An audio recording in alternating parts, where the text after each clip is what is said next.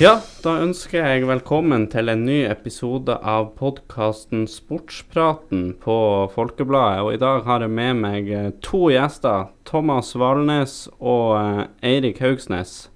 Går det bra med dere? Det går bra. Her går det bra, ja. Hva dere, hva dere styrer med om dagen? Jeg legger jo merke til at eh, Erik Haugstens kommer inn her i studio med, med fotballtrøya på, så han er sannsynligvis langt mer aktiv enn eh, en undertegnede, ser det ut som. Det er jo, det er jo kjent stil for, for, Erik, da. Ja, det går stort sett i, i treningsklær fra, fra, morgen til kveld. Det er en uh, treningsøkt på morgenen sjøl, og så er det jobbe med å få andre til å trene, og så er det det å få trent noen unger på kvelden som regel. Og det skjer vel stort sett tre til fem dager i uka. Ja. Mm. Savner dere snøen?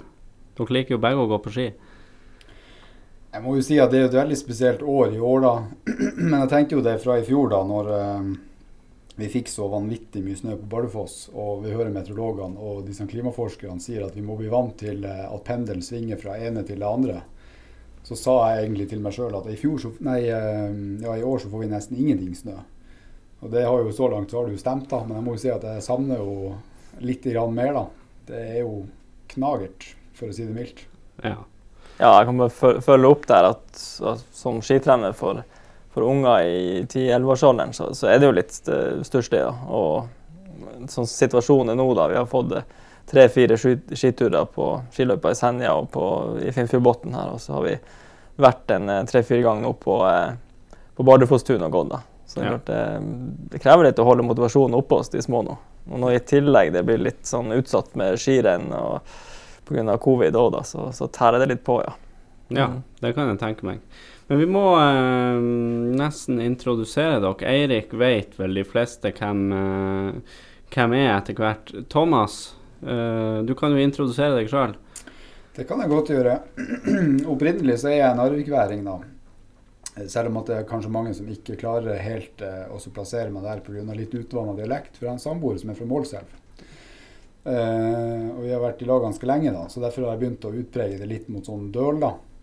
Så på hjemmefronten så får jeg ikke lov til da eh, å titulere meg som målselværing, for da må du være født og oppvokst i Målselv. Og når det skal sies, da, så fikk jeg godkjenning av tidligere ordfører Nils eh, Ole Fosshaug han sa det etter et møte vi hadde, at eh, fra nå av så skulle jeg få lov til å titulere meg som ekte målstelning. Da. Så derfor gjør jeg egentlig det, selv om at jeg ikke er født og oppvokst der. Mm. Eh, så eh, bosatt Bardufoss da, og har bodd der nå i ganske lenge. Så eh, utdanna fra Norges idrettshøgskole og, og, jobber da med aktivitetsmedisinsk, og jobber også fast i Forsvaret. Ja. Aktivitetsmedisinsk det skal vi komme litt tilbake til etter hvert. Men du, du heter Valnes til etternavn. Og vi kan jo Ja, først så kan du jo fortelle eh, Du er jo slekt med Erik Valnes. Det er søskenbarnet, ja. ja. Og eh, vi kan prate litt om han. Eh, han fikk verdenscupseieren sin i, i, november eh, da han knuste han Johannes Østflot Klæbo. Nå ble han nylig òg norgesmester på distanse. Hva, hva sier man? Jeg må jo si at uh, han har jo imponert vanvittig de to-tre siste årene. For han har tatt gradvis uh, et nytt og et nytt steg. da. Det er klart Han har jo gjennombruddet for to år siden når han tok første VM-gullet i U23. Og så repeterte han det året etterpå. Og så har han tatt steget enda et hakk videre, både med å slå holdt på å si, den eh, regjerende verdensmester eh, på oppløpet i et verdenscuprenn av Klæbo i Finland. Og i tillegg eh, at han fikk gull på, i Norgesmesterskapet på et av distanserennene. Jeg snakka med han etterpå, og han sier jo det at han, han var nok litt overraska over den sjøl. Han så ikke den helt komme. da. Han hadde nok en ambisjon om å være oppi der, men at han skulle ta den helt inn, det, det tror han overraska seg sjøl òg, da. Det er gøy, det. Hva du sier Erik? Jeg er bare helt eh, målløs av de prestasjonene han leverer gang på gang. Og det som er fascinerende, er å se hvor jevn stigning han har. Da. Det er liksom ikke sånn røkk han opp. Han har, han har kommet sigende opp i toppen og, og blitt der også, og etablert seg, men også noe som viser han hele tida at det er framgang. Da. Både på distanse og på sprint. Mm. Han, har virkelig, han, han, er fortsatt best på sprint, men nå har han virkelig markert seg helt i toppen der. Og så ser du også at på distanserenn så, så, er han å regne med. Da. Så mm. Det er kjempeimponerende. Ja, for han har vel egentlig tatt steg eh, siden han ble senior hvert år, egentlig. Og det er vel Kan ha vært senior i fem, fem år, noe sånt. Ja. Femte Mm. sesongen som senior. Ja, jeg er helt enig med Mm. Erik at han har hatt en, han har hatt en jevn progresjon egentlig helt siden å si, tidenes morgen. da. Eh, og eh, nå har han jo utvikla klassisk eh, i også distanserenn. Så det kan bli spennende å se om han får lov til å gå om han blir tatt ut til å gå femmila i VM. Det kan godt hende, eh, hvis han fortsetter i, i samme sporet. Og så er det jo skøytedelen som man er nødt til å jobbe litt mer med. og Der har man jo også sett progresjon, selv om at han ikke er helt oppe i Mm. Mm. i eliten enda på, på distanserenn. Men jeg tror det er et potensial der òg. Mm. Ja, det, det ble jo eh, etter den uh, seieren der i NM, så ble det jo litt snakk om en uh, VM-plass. Både, ja, både femmil, en stafettetappe. Men er det ikke litt det, det er noen som skal dankes ut der først. Kan det bli litt vanskelig i år i dette VM-et? Hvis han eh, viser samme takter, så tror jeg han kommer til å være med i diskusjon både på en klassisk eh, etappe på eh, selve stafetten, da, som kommer til å være vanvittig gøy for Boif og for, for Troms, at man har en utøver med der. Eh, og i tillegg på femmila. Men det er klart, femmila er jo litt sånn eh, Det er jo forskjell på en 10 km klassisk og femmil, selvfølgelig. Eh, men det er klart, hvis han går noen gode renn og frem mot, eh, mot VM, så er det Det har jo allerede vært sagt fra Mm. Erik Nossum at uh, mye av grunnlaget til uttaket ble også gjort tidligere på, uh, fra sesongstarta. Og Erik har vært oppi der helt siden Mm. de første konkurransene begynte. Ja, og en stafettetappe, den er jo 10 km, så Mm. der har han visst at han er god.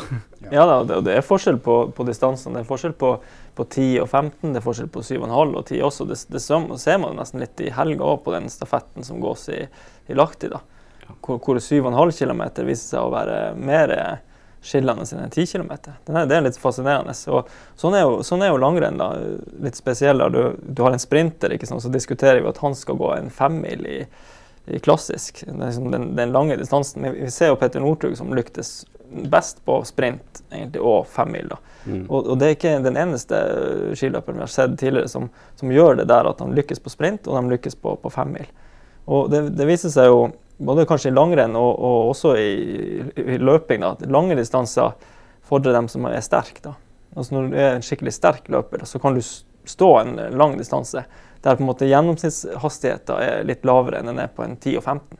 Ja. Så det, det er fascinerende. Så det, så det er helt eh, klart at han er en aktuell kandidat der. Mm. Der han i hvert fall er en aktuell kandidat og allerede sikra en plass, det er sprinten. Um, slo Klæbo i november, og så har de vel ja, Han har blitt nummer to de andre gangene bak han.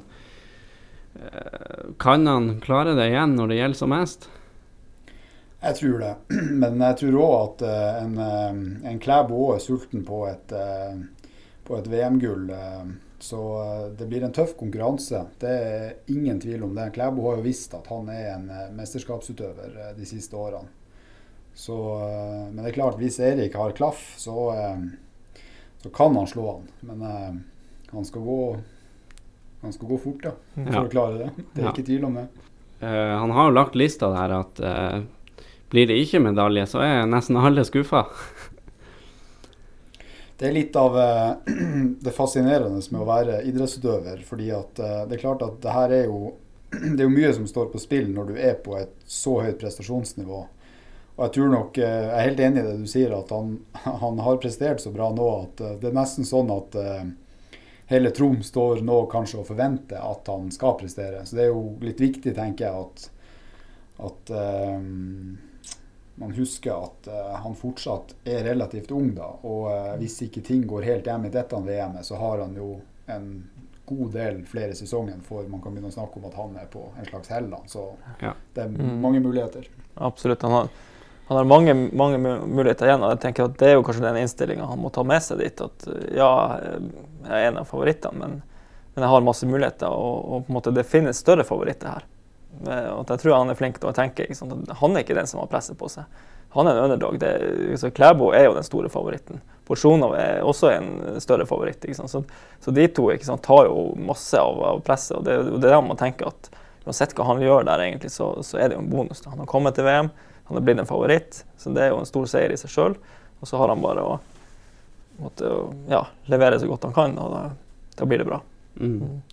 Og det er vel òg store sjanser for at han får gå en, eh, en teamsprint i lag med nevnte Klæbo.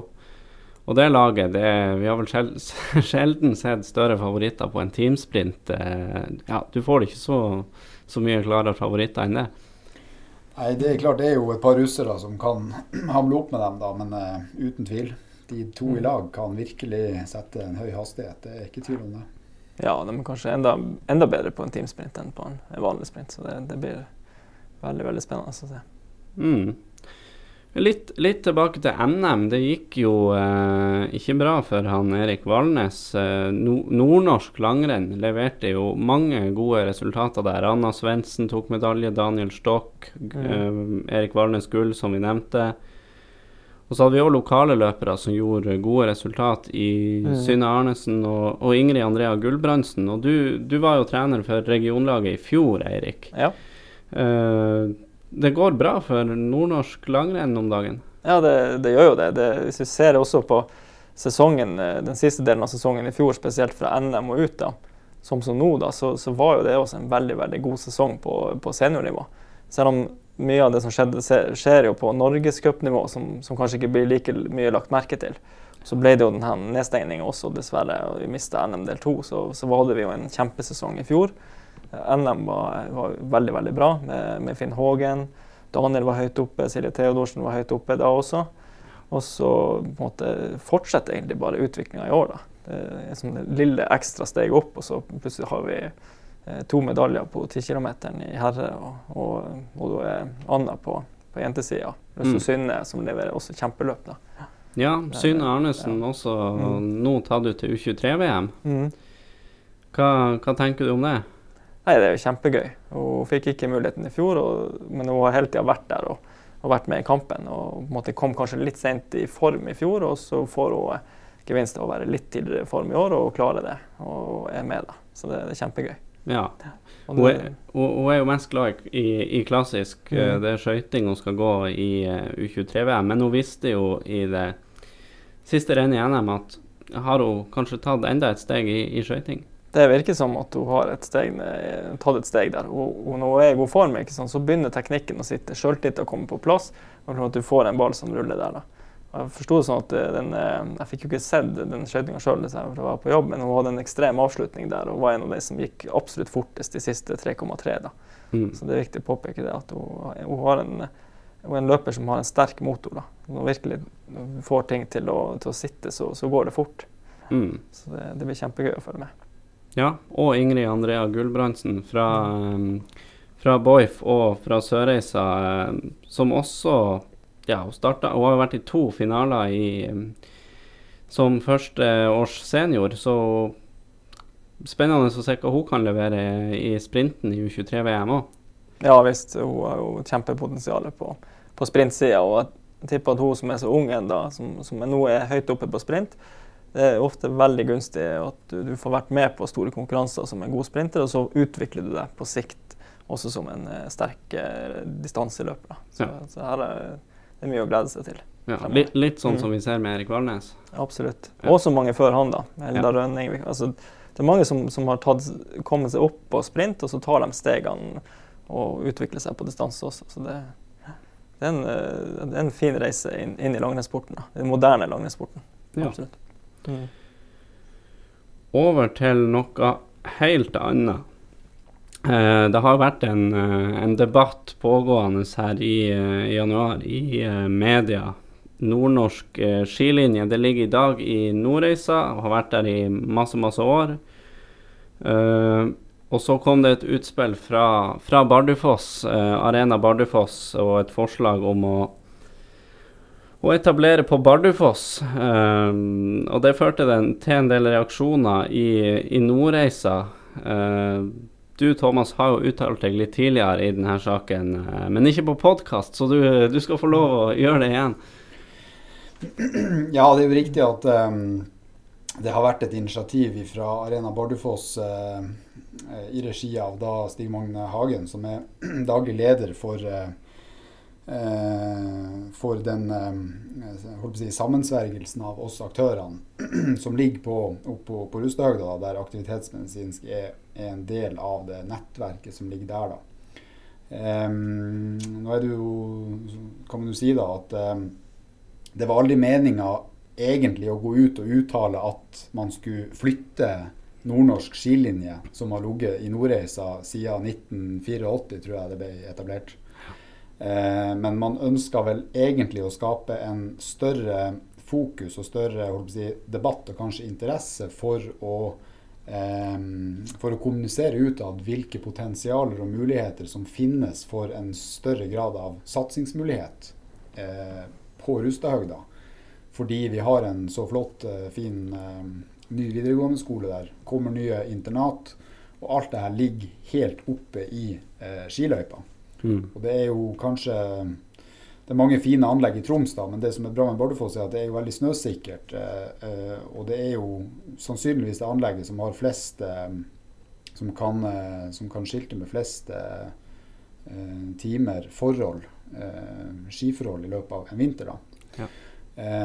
så fokuset vårt fra aktørene er at vi gjerne ønsker å utvikle et bedre tilbud. Hjelpe videregående å utvikle et bedre tilbud for å satse langrenn og skiskyting, og sågar fotball for den saks skyld, siden vi har Bardufoss Storhall, enn det er i dag. Men uten å snakke om å flytte skilinja, for den ønsker vi fortsatt skal bestå sånn som det er. Men vi tror at det å skape et nytt tilbud kan være å skape konkurranse, og det er med på å heve egentlig hele fylket i å gi eh, gode gode tilbud til å satse skole og ski, skiskyting, fotball i lag. Ja. ja. du er jo inne på det i, i, den saken der du uttalte deg om det her først. Den saken handler jo om Rustadhøgda og hvor kompakt det anlegget er. Du har flyplass rett ved sida av i tillegg. Uh, så det var jo egentlig Det er jo det òg Stig Magna dem er inne på. Uh, dere har jo begge to gått der. Og Eirik, du er i tillegg fra, fra Nord-Troms, Skjervøy, da, ikke Nordreisa. Mm. Hva, hva du tenker om, eh, om det utspillet som, som, kom?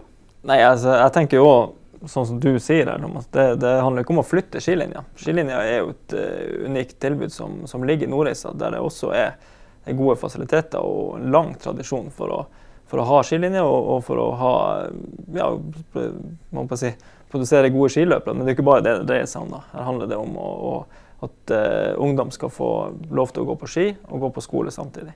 Og Det som er unikt med et sånt skilinjetilbud, det, det, må man, det må ta, trekke frem litt her, det, det er den fireårige modellen. da, der du, der du, får lov til å, å holde på med langrenn og får tid til å utvikle deg som langrennsløper, samtidig som du også har veldig god tid til å, å ta, gjøre en skikkelig god jobb på skolen. Da. Det er ikke som tre år der du liksom har vanlig skole, og så har du hevet på noe eh, langrennsfag og i tillegg all den treninga du får et år ekstra, sånn at du får liksom pusta litt inn, imellom all treninga og får også gjort en god innsats eh, på skolen.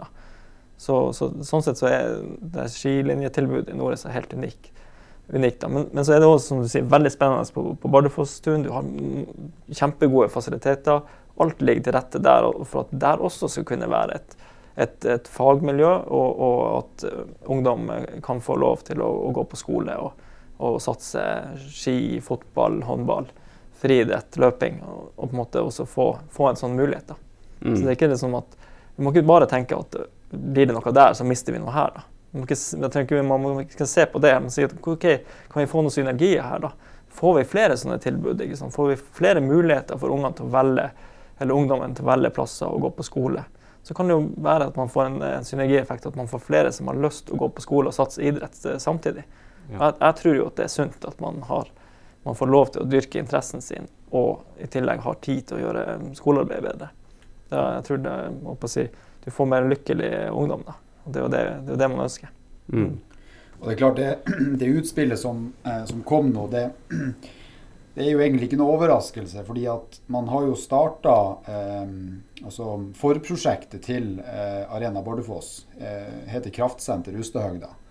Og det ble jo etablert med tilskudd fra fylket og Målselv kommune, som dro i gang et sånt forprosjekt der man samla sammen alle aktørene som ligger oppå der, for å se utviklingspotensialet for å skape nettverksbasert eh, utvikling innenfor idrett. Både breddeidrett, barneidrett, ungdomsidrett eh, som favner bredden, men også toppidrett i regi av skolen. Og ikke minst med høyere utdanning og støtte mm. eller samarbeid med, med studiesenteret Midt-Troms, som ligger her etablert på Finnsnes, men de har også utdanning eh, i næringshagen der oppe, og, og Universitetet i Tromsø, eh, for å, å kunne studere videre. Så, så, det er liksom et, et, ledd i en sånn helhet. da. Um, mm. Så jeg er jo enig i det som Eirik sier, da, at uh, siden vi gikk der på 90-tallet Ja, du var ferdig du i 2001? 2001, ja. ja. Jeg var ferdig i 2003. Allerede da diskuterte man jo at det var veldig langt ifra der jeg er, fra Narvik, eh, og Nordre Nordland. Eh, og det var sannsynligvis så tror jeg det har vært ganske mange elever og utøvere som ikke har valgt Nordreisa for at avstanden er for lang. Mm. Kjøreavstanden er for lang. Mm. Og eh, når man da ikke har et godt tilbud i den regionen, så kan, kunne Bardufoss vært en større realitet for flere å satse langrenn. Fordi at det er nærmere, og det er mer sentralt i eh, Troms, og særlig mot Sør-Troms-delen. Mm. Så sånn sett, så med et sånt tilbud, et større grad av satsingstilbud i Bardufoss, så hadde man klar, kanskje klart å favne enda flere ungdom. Og man kanskje hadde klart å skape enda flere gode langrennsløpere, eller folk som får lov til å glede ungdom som har mer glede av å satse idrett enn, mm. enn i dag. Ja, for jeg, jeg tenker også sånn at, at det, er mange som, det er mange som slutter på den akkurat i den overgangen fra ungdomsskole til videregående. Det, det er jo ofte at du, klart, du, du blir eldre, det skjer, det skjer, ting både med, med, kroppen og med vennene dine som tar andre valg. og du, du, må gjøre noen valg hvor skal jeg gå videre på skole. da. Det er ikke sikkert at det tilbudet som du ønsker er i den bygda eller byen du bor da. Det, men klart, hvis du da får en mulighet Ja, jeg har lyst til å fortsette å gå på ski, men jeg syns det er langt å reise fra, fra Narvik til, til da. Og så er det et tilbud på Bardufoss. Hvis de da velger det tilbudet og fortsetter med å gå på ski og gå på skole istedenfor å slutte, så må det jo være bedre det, da. Da har du jo totalt sett et mye større miljø. Og det, det er jo der man sliter litt, at, at det blir veldig uttynna akkurat i den overgangen der, og du får veldig små miljøer. Mm. Og da, da, mister man jo også den andre kompetansen. ikke sant? så blir det ett kompetansemiljø istedenfor at det kunne vært to kompetansemiljøer der du både har utøvere og trenere og, og andre som jobber med, med idretter, som er med på å på måte, skape en kultur da, ja. som, som, får det her til å blomstre. Og det er, jo, det er jo, noen store navn som har uh, uttalt at, uh, at, det hadde vært gunstig å ha en sånn linje på Bardufoss. Petter Skinstad har sagt det, og Erik Valnes sa det også, til tross for at han, uh, han har jo òg gått der. I Nordreisa, ja. ja.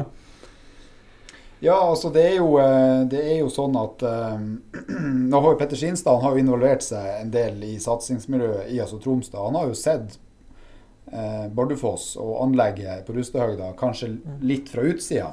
Det er jo rart med det. Det er klart Vi kan jo selvsagt sies at vi er litt sånn inhabile siden vi, vi, bor og lever rundt anlegget, på samme måte som man kanskje gjør det i Nordreisa. -hmm.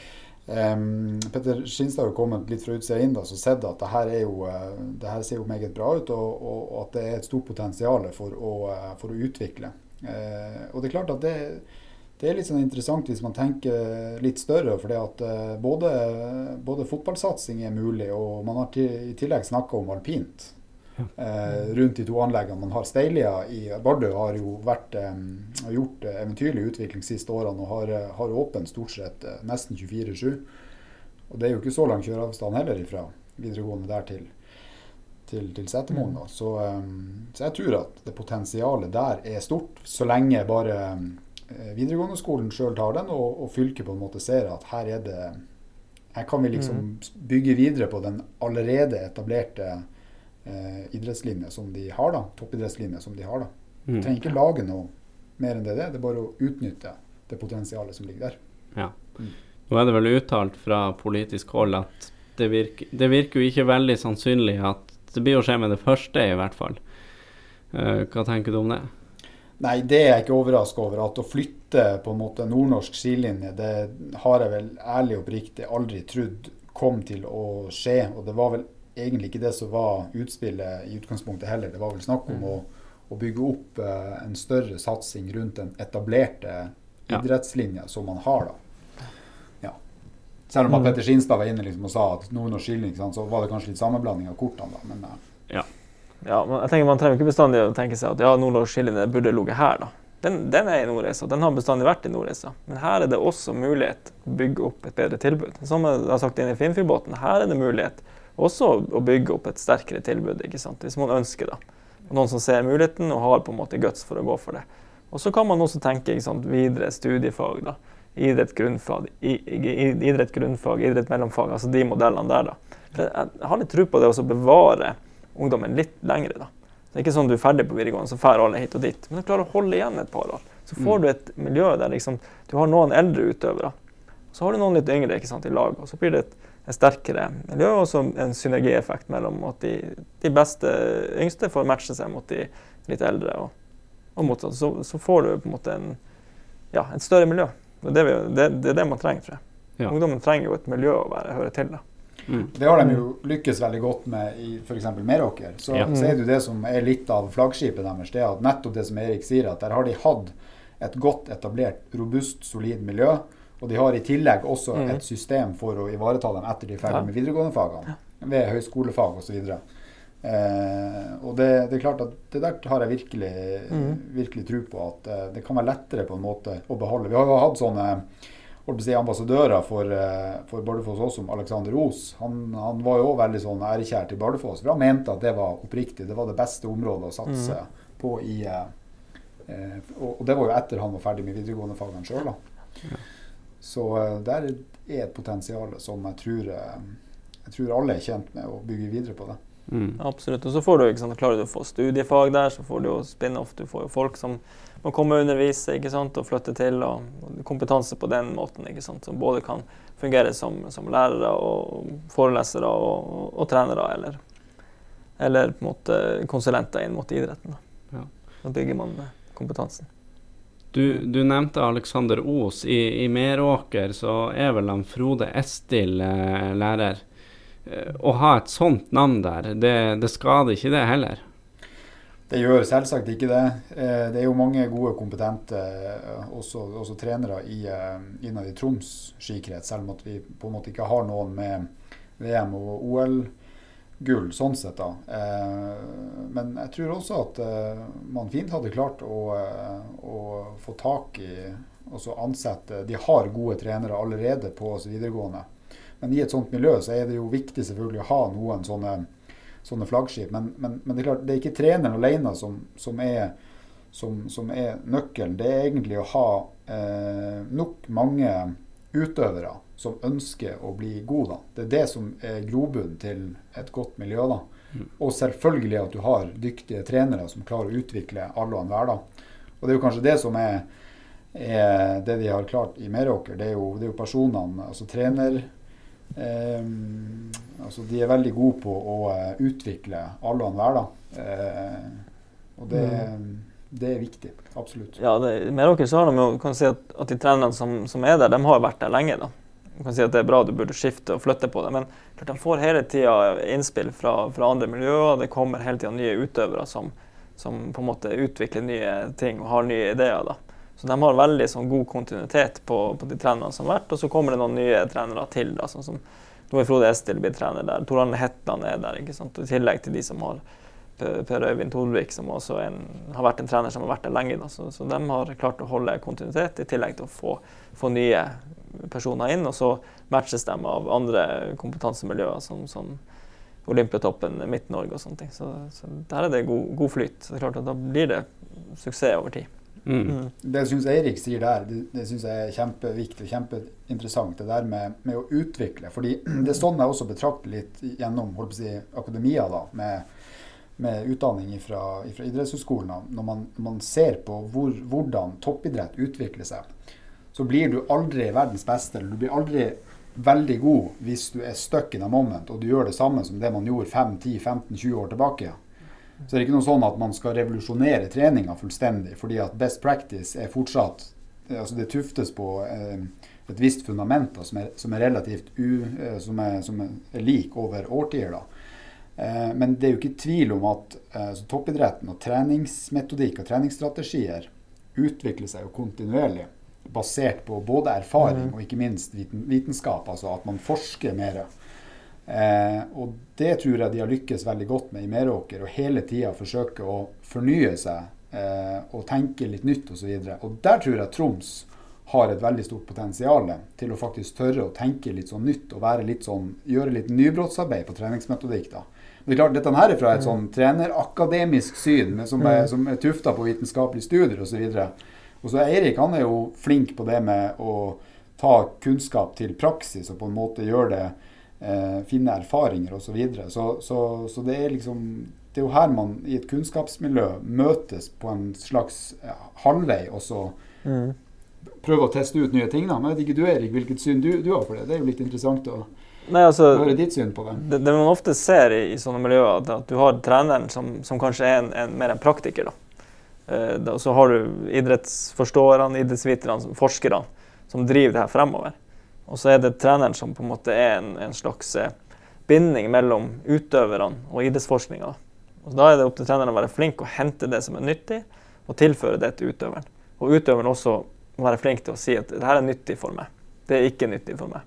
Ok, Kanskje, kan, kanskje vi skal prøve å gjøre det her, og så, så prøver man det. Og så, så er det igjen en, en, en, konstant evaluering hva som er nyttig og ikke nyttig. Og så er utøveren sånn, Gode utøvere de, de, er jo veldig sånn de, de er flinke til å si, si det her syns jeg ikke var bra, det her syns jeg fungerer. ikke sant? De er flinke til å ta de valgene sjøl, men også får hjelp av trenerne, som igjen ikke sant, støttes opp av, av forskerne. Og lytter til dem. Da. Så da, da, det er den, hele tida å ha den der flyten imellom. Da. Det, det, synes, det, er det som er kjempeinteressant, hvis mm. man, hvis man, klarer å få det til. Da. For da står man aldri på stedet hvil. Det er hele tida dialog. ikke sant? Forskerne si, kommer frem med nye og bedre, bedre metoder, bedre, og så kommer de med forslag til treneren. Treneren tar det videre til utøveren, de prøver å teste og utvikle da egentlig det konseptet. Kanskje litt annerledes enn det forskeren hadde tenkt. Så tar man det tilbake igjen til forskeren og så prøver vi, ok, kanskje vi må se litt på det her igjen. da. Kanskje mm. ikke det var helt sånn som vi tenkte. Så gjør de nye studier, og så går det frem og tilbake. Sånn. Og da, da, får du sakte, men sikkert utvikling. Ja. Nå føler jeg vi har mm. eh, vi har gjort oss ferdig med det her med, med skilinje. Um, og vi kan gå over til, til, noe annet som vi begynner å komme litt inn på allerede. Um, du er jo en av medeierne, Thomas, av uh, Bardufoss aktivitetsmedisinske senter, eller BAMS, som er mye enklere å si, uh, på Bardufosstun. Um, kan ikke du fortelle litt om hva dere driver med der?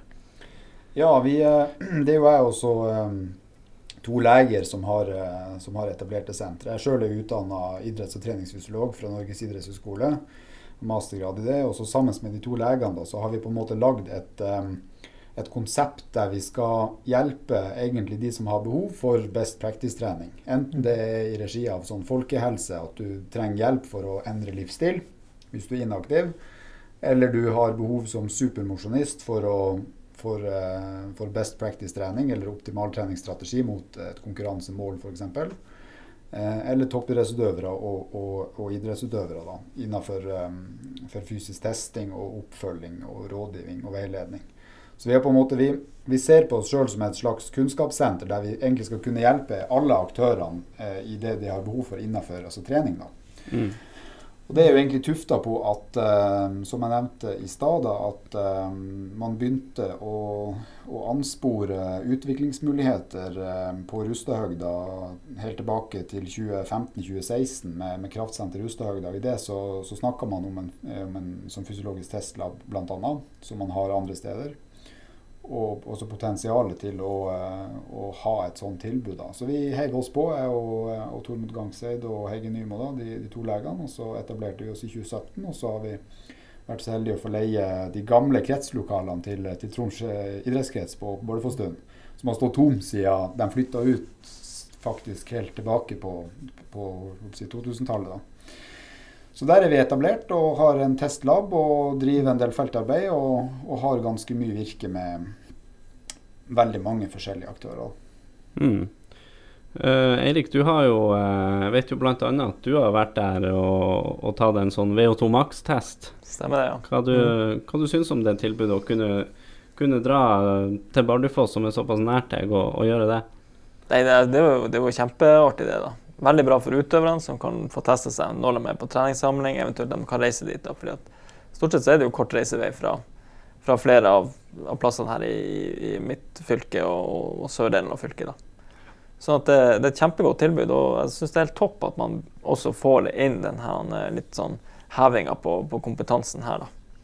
I, altså her har vi en plass man kan faktisk være og få testa seg, få litt sånn direkte tilbakemelding på hvordan ståa er. da. Og det, det, er viktig for en utøver både for å dokumentere framgang på en måte fra år til år, eller innad i, treningssesongen. Og så kan det være viktig for å få testa seg hvis ting ikke fungerer helt som man skal, for å forstå litt bedre og kjenne litt bedre på hva det er som, som ikke fungerer.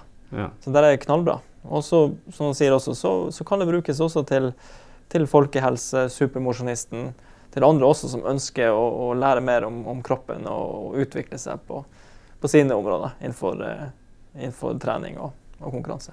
Mm. Ja, for, en, um, for, de som ikke vet det, hva, hva er en VO2 maks-test? En VO2max-test er en forkortelse for test av organismens maksimale oksygenopptak. Det vil altså si hvor stor, eh, hvor stor er kapasiteten på å ta opp oksygen per tidsenhet. tidsenhet. Så det sier noe om den arobe motoren, motorstørrelsen. Mm. Og så er det også litt interessant å se i sånn forskningsøyemed, fordi at nå er det så eh, klarlagt at det er en direkte sammenheng mellom den motorstørrelsen og risiko for en rekke livsstilssykdommer. Og man har ganske klare tall på, på, eh, på korrelasjon, altså sammenheng mellom VO2 max og f.eks. risiko for hjerteinfarkt og hjerneslag. Så sånn sett i sånn idrettsmedisinsk øyemed, eller treningsmedisin,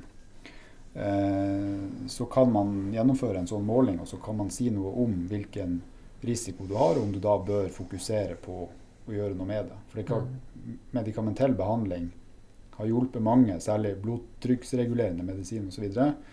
Men det beste er jo alltid å utsette kroppen for målretta trening for å deale med redusere risiko sjøl. Mm.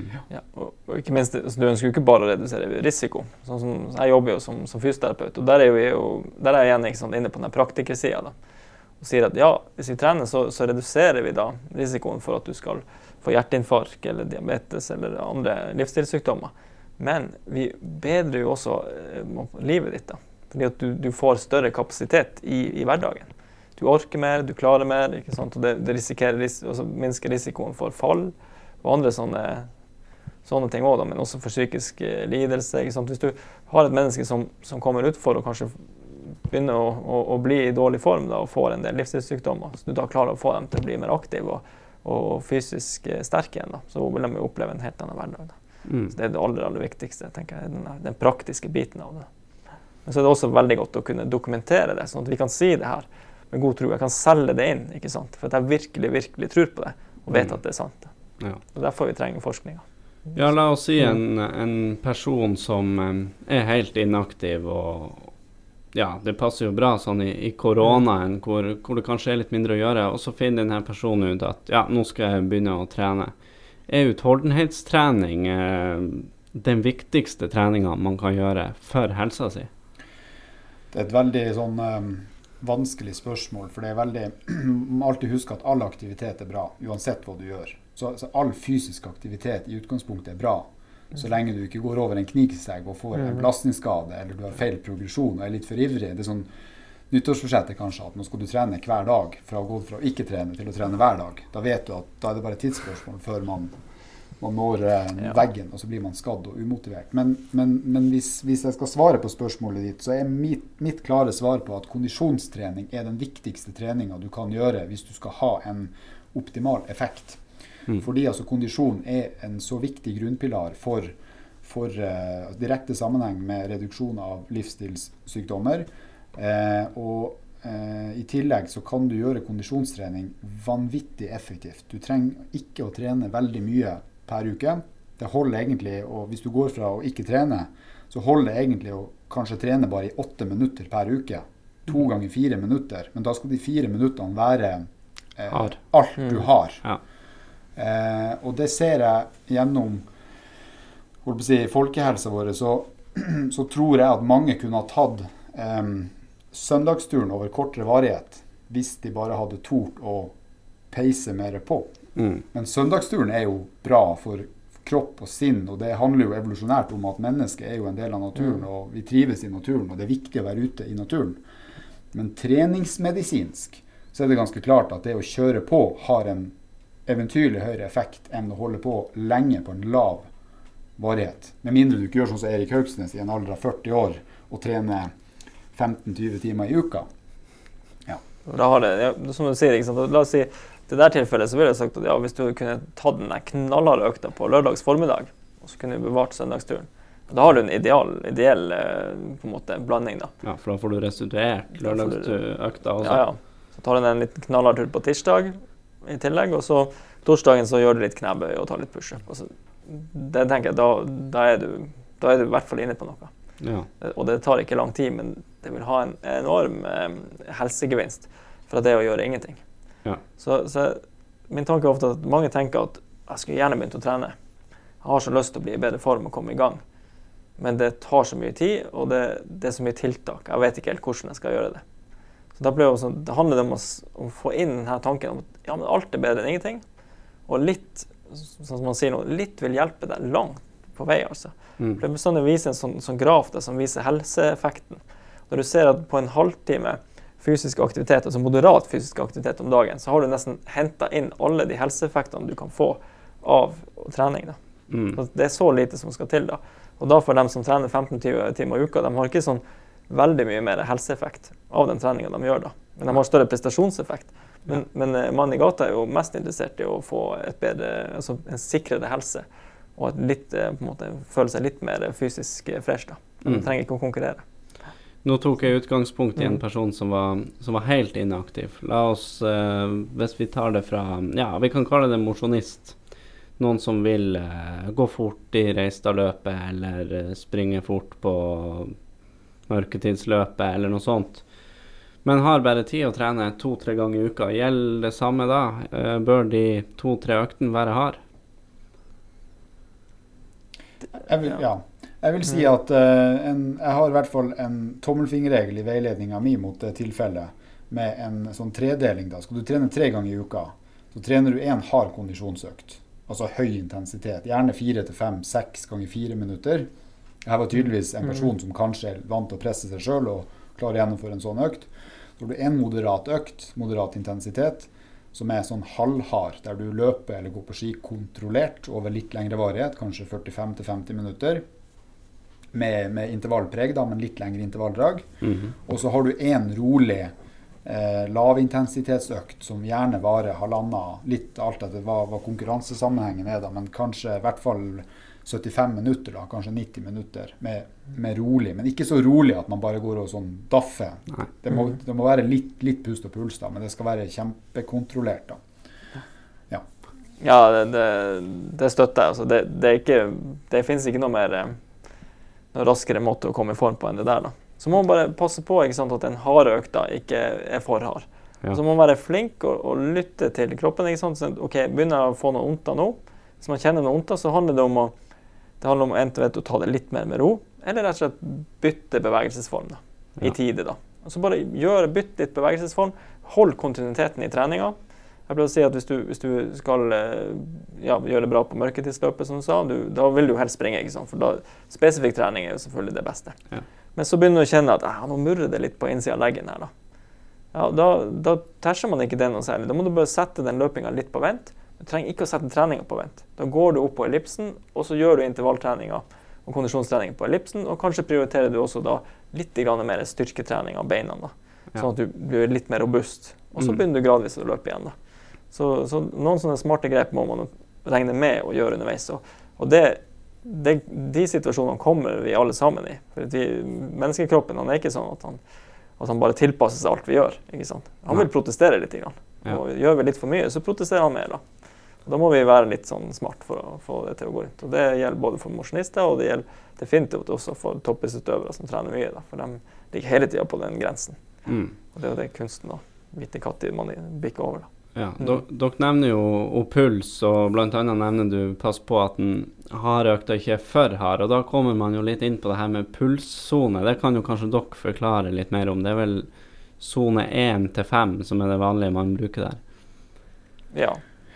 Det finnes jo i utgangspunktet to forskjellige modeller, kan du si. Den femdelte. Den har jo egentlig sin opprinnelse fra Olympiatoppen sin. Det er derfor den er veldig sånn kjent. da, Og så er det jo en enklere som, eh, som jeg også av og til bruker hvis man, hvis man ikke skal gjøre ting eh, så avansert. Så er det bare en vanlig tredeling, der du snakker om lett, moderat og høy intensitet. Ja. Mm. Eh, og det er klart, en pulsskala er jo er jo bra selvfølgelig for de som er interessert i puls og har pulsklokke. og Det blir veldig, veldig vanlig med, med armbåndsklokker, eh, og det er veldig liksom, tilgjengelig. Det har det vært egentlig de siste 10-15-20 årene. Um, og det har jo sin opprinnelse fra maksimal hjertefrekvens. Så skal du bruke en pulsskala, så er det veldig viktig å kjenne sin maksimale hjertefrekvens. Og den maksimale hjertefrekvensen, makspulsen, uh, den er ikke trenbar. Den er helt genetisk betont, og den går i tillegg ned med et slag i, i, i gjennomsnitt per år. da. Ja. Så den må du egentlig du må egentlig måle den. Du må gjennomføre en hard fysisk økt eh, der du på en måte ser hvor høyt du da kommer. da. Og så må du justere de ulike intensitetssonene basert på makspulsen. Og da er Olympiatoppen sin femdeling det er jo at du snakker om en viss Altså én sone er fra 1% til en annen prosent av den maksimale hjertefrekvensen. da. Ja. Så typisk Mm. Fire, rød sone eller gul sone, oppe i sone fire-fem, ikke sant? da skal du ligge gjerne over 85% av makspuls. da. Ja. Og så går det suksessivt nedover. da.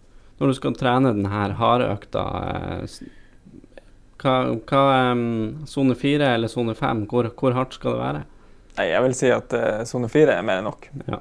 Da, eh, da er du Sone fire er hardt, da. Det, det er tøff trening. Ja. Så hvis du er litt sone 3, litt sone 4 på den harde økta, og så den, moderate som du snakker om, mest i sone 3, da. Ja. Tar du ned risikoen, og du, du får det beste ut av, ut av treninga likevel. Mm. Ja. Så eh, du trenger ikke å ligge flat etter hver uh, hardtrening. Altså. Det, jo det mange kanskje ikke, ikke vet, altså langrennsløperne eh, de trener jo selvfølgelig voldsomt mye, men eh, mesteparten av treninga deres går vel i sone 1 og sone 2 i løpet av et år. Ja, det gjør det. Så det er jo stor del av altså det er jo mengdetreninga som, som gjør dem robuste og sterke. Og så topper man de andre systemene med å trene hardt innimellom. Det, men så klart det begrenser seg ganske altså hvor mye hardt du kan trene. da. Både Mm. du- Kroppen blir, organismen blir sliten, og du får skaderisiko. Og, og Da vil det lønne seg heller å gå rolig og, og på en måte få mengde med å trene mer rolig. da. Ja. Så får du en høy, masse tid på ski. da. Det er der jeg ser et sånn, eh, sånn klart skille mellom, mellom kanskje strategi for en, eh, den inaktive som skal bli aktiv, Mm. eller supermosjonisten som, som skal trene veldig lite, kontra en toppidrettsutøver som allerede trener mye. da. Jeg er jo helt enig i det som Eirik sier. og Det er jo mange idrettsutøvere Mm. som har forsøkt å makse antall si, minutter og timer i hard sone, og så gått over knivseggen, og så det ble for mye. Mm. For det er en viss grad eh, av hva, hva si, organismen klarer å omsette av hard, harde økter. da. En tommelfingerregel eh, blant idrettsutøvere er jo gjerne kanskje altså, tre-fire hardøkter i uka. Det er det du klarer å, å omsette på, på rød sone eh, for at du ikke går over knivseggen. Ja, kanskje over et visst tidspunkt. Og, men Ja. tre-fire over et år, da vil jeg tro at da, vil de første begynne å slite. Altså. Ja, Da er du langt Mhm. over. Og så Mhm. må man da utnytte tida og supplere med den rolige treninga. For det er bedre da å trene rolig en del timer enn å ikke trene i det hele tatt. For å hente ut potensialet. Mens i sånn eh, folkehelseøyemed, eller best practice-trening for en supermosjonist, eller treningseffekt, hvis du skal trene bare to økter i uka, så tenker jeg da skal du ikke trene rolig. Da kan du godt trene hardt. For da har du kun de to ø- øktene som jeg har, og det tåler du fint. Ja. Så man, man må tenke kanskje litt annen strategi enn en toppidrettsutøver. Så jeg tenker alltid velg de harde øktene først for en optimal effekt, og så supplerer du mer med den rolige treninga. Ja. Det er i hvert fall mitt utgangspunkt i, eh, i sånn folkehelseøyemed. Ja. Men så er jeg jo enig i det som Erik sier, at uh, de harde øktene trenger ikke å være så harde at du kjenner blodsmak i munnen. da. du skal puste og pulse. Ja. må være relativt oppi der. Men du må opp der og kjenne på det må du selvfølgelig. Men, men så handler det liksom om at, om at du skal kunne repetere og gjenta det her. For den store suksessen, og det, det ser man jo mer og mer, man blir enda mer, mer og mer bevisst på, det er jo kontinuitet. Det er kontinuitet i, i trening som, som gir suksess på, på, på sikt. Altså. Det er det som får det beste ut av en utøver. Mm. er at en klarer å repetere trening fra år til år. Ja. Du har noen som kanskje klarer å makse veldig på et år, og så, og så er de litt borte igjen. Da. Men så ser du den som, den som virkelig har suksess, de, de har kontinuitet og, og bygger stein på stein år etter år. Mm. Så Det gjelder jo for folk flest. å finne et system, finn noe som du liker å holde på med, som du kan gjøre det gang etter gang etter gang. Det høres nesten litt sånn kjedelig og traust ut, men, men, men, eh, det er det som gir effekt og suksess over, over tid. Mm. Mm. Og er det ikke en, en regel òg på, en, på ei intervalløkt, la oss si seks ganger seks minutter løping f.eks., at du, du skal optimalt sett ha lavest fart på det første draget og høyest fart på det siste? Det vil jo være den beste måten å gjennomføre den, ja. den økta på. da. Det er en perfekt intervall, liksom? Perfekt. Hvis du, har, liksom, kan øke intensiteten i hele økta, da, mm. så vil du gå ut av den økta med den beste følelsen. Mm. Så, det, så, det, vil jeg anbefale at man, man prøver å få til. da. Ja. Ikke, klart Det ikke så lav fart i begynnelsen at det nesten ikke Du må opp der likevel og ha den, ha den effekten. Liksom. Du må opp på 80 og 85% allerede fra starten av. da. Hvis, mm. hvis vi tenker maksimal hjertefrekvens, da. Så det vil si at da, da, skal du kjenne litt på det. At du, at du ikke klarer å, å prate hele setningen. da. Ja. Men så, så, når man kommer mer inn i det, så er det også litt lettere å ta i litt mer etter hvert. Ja. Mm. Men det er jo noe å tenke på når man skal springe det første draget, at man ikke tar ut for, for mye også, selv om man skal ta i nok. Absolutt. Ja. Ja, jeg, jeg, er enig i det. og Jeg tror også litt av si, strategien som, som, Erik sier der, er viktig for at du skal klare å ut... Altså for det, det, er egentlig to faktorer du har å spille på med når du skal designe treningsøkter. Det er varighet og intensitet. Desto høyere intensitet du legger deg på i starten, desto lavere varighet har du sannsynligvis før du er utmatta. Mm. Så hvis Poenget er å, å gjennomføre en økt på 36 minutter. Eh, så må du legge deg på en intensitet der du klarer å holde ut i 36 minutter uten at du må mm. redusere intensiteten nevneverdig. Ja. Og det er klart, Kjører du for hardt, så får du altfor mye melkesyre. Og det gir en ganske streng utmattelsesfølelse. Du får en dårlig følelse, som Erik sier. ikke sant? Det blir bare skit. Kanskje du må avslutte etter fire drag. Eh, og da er det bedre å ha is i magen og, og jobbe seg inn i økta. For da får du også utholdenhetsaspektet. Da holder du ut i 36 minutter, og det er jo òg et bra stimuli å, å, holde på i kanskje 36 minutter enn å bare holde på i 12 eller 18 minutter. Mm. Mm. Ja, kan du skrive under på at man har gått på den smellen sjøl? det, sånn. det, det, er mange som går på den smellen. En, I vår så hadde vi et lite sånn prosjekt på at uh, vi var en gjeng som skulle perse på, på 10 km. Da. Og, og, da var vi på forskjellige nivåer da, løpsmessig. Så hadde vi fellesøkter. Så så det var jo bare den veien bort på Sandvikliga som var, som var bar. da, for Vi hadde en veldig veldig lang eh, vår i år. da. Ja. Så der var det bart, og så fant vi ut da skal vi gjøre 2000-metringer og 1000-metringer der. da. Og så, så, ble vi enige om Jeg, jeg laga opplegget da, til dem og så sa jeg, denne farta skal vi ligge på i dag. Vi skal ha kilometertida på 10 km pluss 20 sekunder. På de første så skulle vi springe 2000 meters drag. da. Og eh, da starta vi jo samtidig, alle sammen. For ideen var at vi skulle springe 2000 meter, og så skulle alle Eller den, de beste skulle springe 2000 meter. Og når de stoppa, for det så, du ser jo hele veien der, det er såpass langt, så skulle alle stoppe. Og så skulle de være, sant, jogge litt rundt og starte der, der du var, og så springe tilbake igjen. Skulle, for da, da, ble det på en måte, da fikk vi en sånn synergi at alle kom samtidig i mål. da. Men eh, det viste seg vel at eh, det var mange som var veldig ivrige på den første 2000-meteren. Sånn da sprang vi, og så stoppa de når den, når den, fremste kom. Men når vi kom tilbake, så var det altså den som sprang lengst. Han kom definitivt først tilbake også. da. Det, for det har veldig mye med erfaring å gjøre. der. Og, og mange blir liksom litt sånn trigger-happy i starten.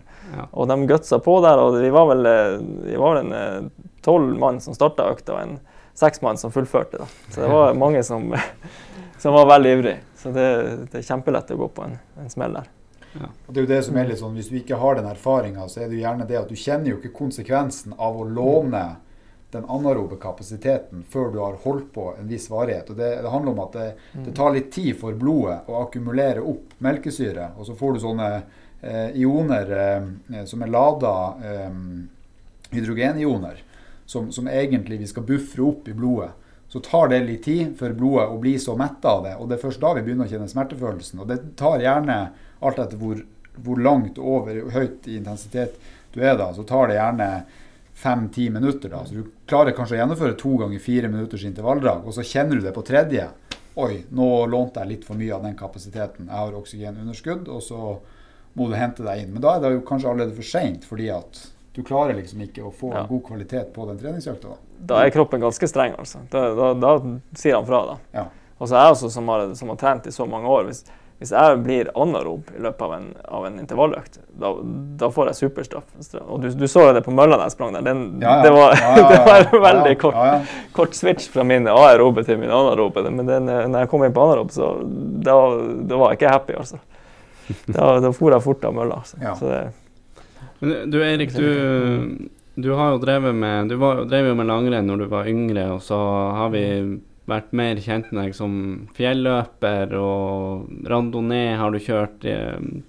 Og du har levert gode resultater både lokalt og nasjonalt, og faktisk i utlandet òg. Um, men for et par år siden så trappa du vel litt sånn ned. Du la, du la ikke opp, og noen vil jo påstå at du ikke trappa ned heller, men uh, og du fortsatte jo og leverte gode resultater. Og jeg husker en gang jeg prata med deg at du fortalte litt om hvordan du, du holdt det ved like. Du trente mindre, men likevel så hadde du såpass god kvalitet på de øktene du mm. hadde da. Uh, kan du fortelle litt mer om, om det? Ja, det, det, det, det, dreier seg om at du henter ut det beste av trening. da. Når, når, du har trent i mange år, så har du skaffa deg masse erfaring. da. Jeg vil si at sånn, jeg trener jo, gjør jo fortsatt mange av de samme øktene som jeg gjorde eh, når jeg satsa mer. da. Og, men det er jo også en styrke, da, for jeg vet hvilken kvalitet jeg skal ha på den økta. Mm. Så når jeg, når jeg, sier at ok, i dag velger jeg å kjøre den distanseøkta her, da, da har jeg systematisk på en måte over flere, flere år nå da, så vet jeg hvor fort jeg må springe fra A til B, og fra B til D, og fra ikke sant, og videre. Så, så, sånn at, eller BTC og fra C til D. Da, så, og det, det, er jo det jeg utnytter da, enda. Så jeg, jeg gjør egentlig mindre trening, men jeg, men jeg, tar det beste av den treninga som jeg har gjort tidligere. da. Ja. Og, og, bruker den. Og så, så, har jeg sett at de, de siste årene liksom, Nå begynner jeg å bli nærmere meg 40. Og da, Jeg kan ikke drive og gjøre det samme nå som jeg gjorde da jeg var 30. Da trente jeg enda mer bare kondisjonsbasert. Da. Mens nå ser jeg at OK, jeg, jeg begynner å bli 40. Jeg, hva er det jeg begynner å bli dårlig på? Ja, jeg begynner å bli svakere. Jeg er svakere i beina nå enn jeg var for ti år siden. Da må jeg kompensere med det og, faktisk begynne også å løfte litt på, på vekter, selv om jeg ikke syns at det er det artigste. Ja. Så må jeg jo begynne å utvikle den delen av treninga igjen. Mm. Ja, så, så, det er sånn det går hele veien. da.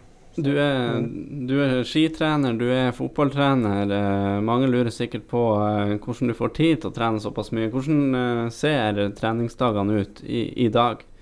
Jeg, altså, jeg har et sånn fast uh, ukeprogram som, som, jeg bruker. Da. Det er at jeg, at jeg stort sett har før, før, kunne jeg ha fri på mandagene, men det får jeg ikke hatt lenger. For nå har jeg noe skitrening med ungene. Nå begynner de å bli såpass gamle at det er jo ikke sånn at du bare kan stå lenger der. og Det, det går jo relativt unna der. Så det blir nå en treningsøkt, det òg, da. Ja.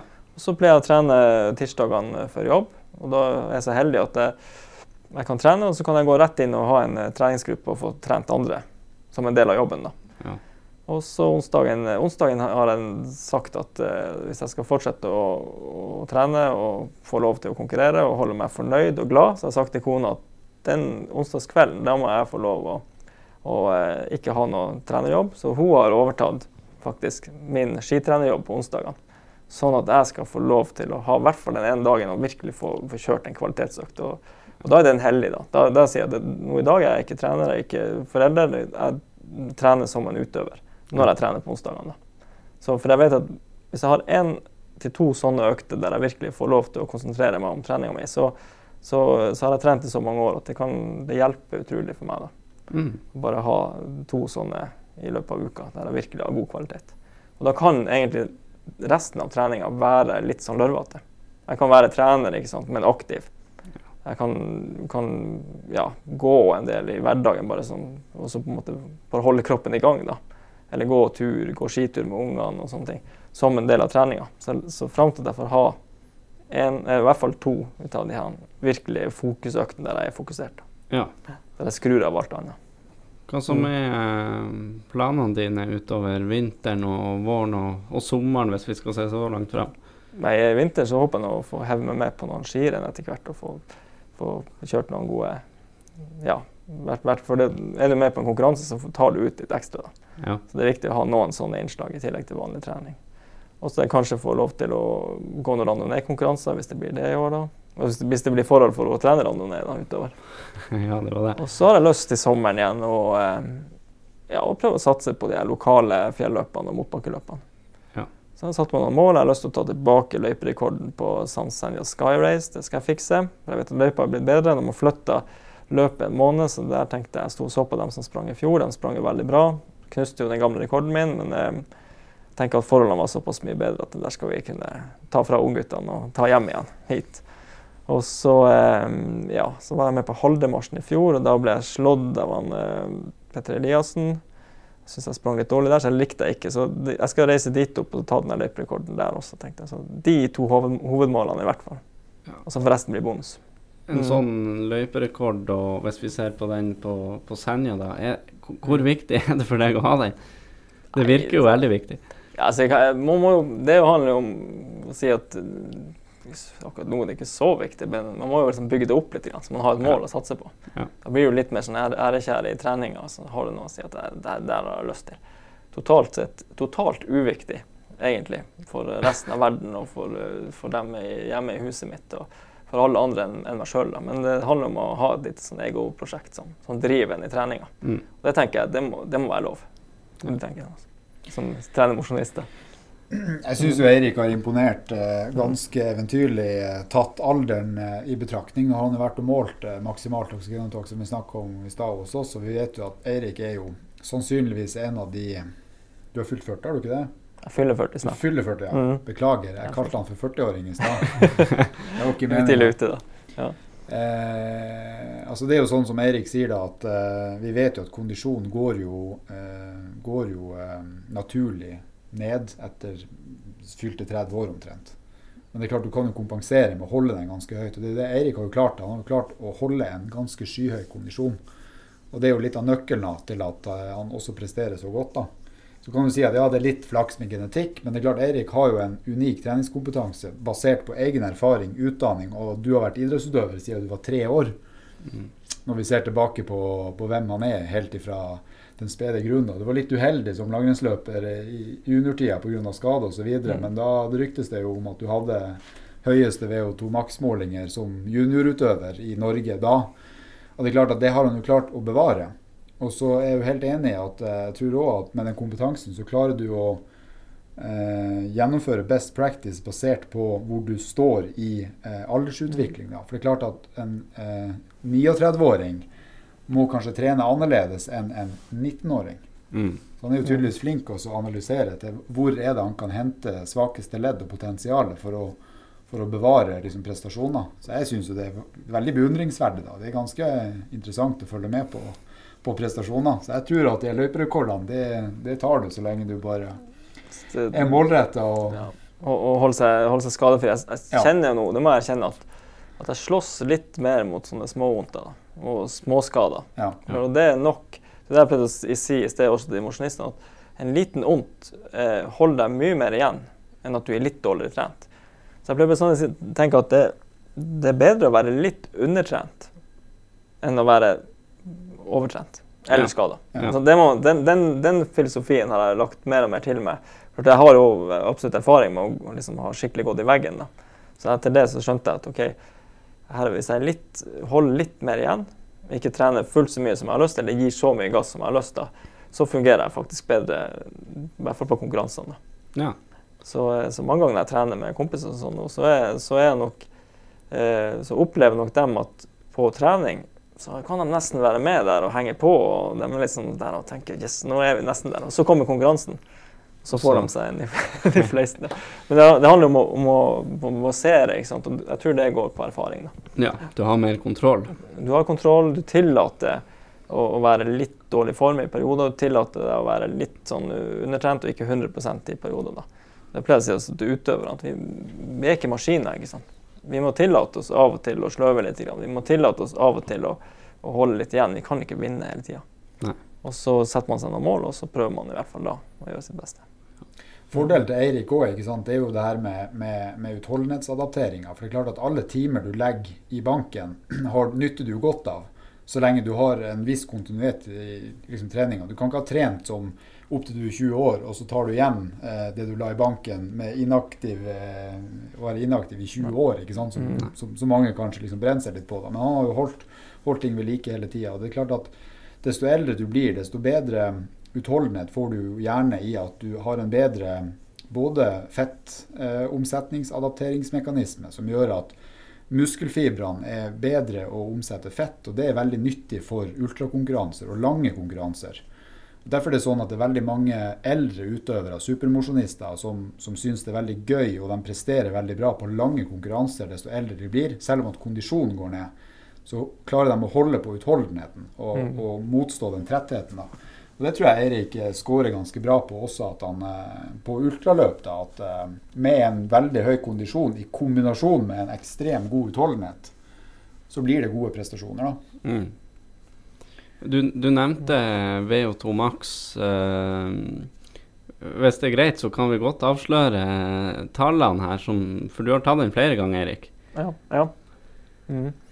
Jeg har testa på det meste, eller den beste testen jeg har hatt. Uh, da var jeg oppe på 86. Da. Ja. Mm. Og da var jeg ikke gamle karen.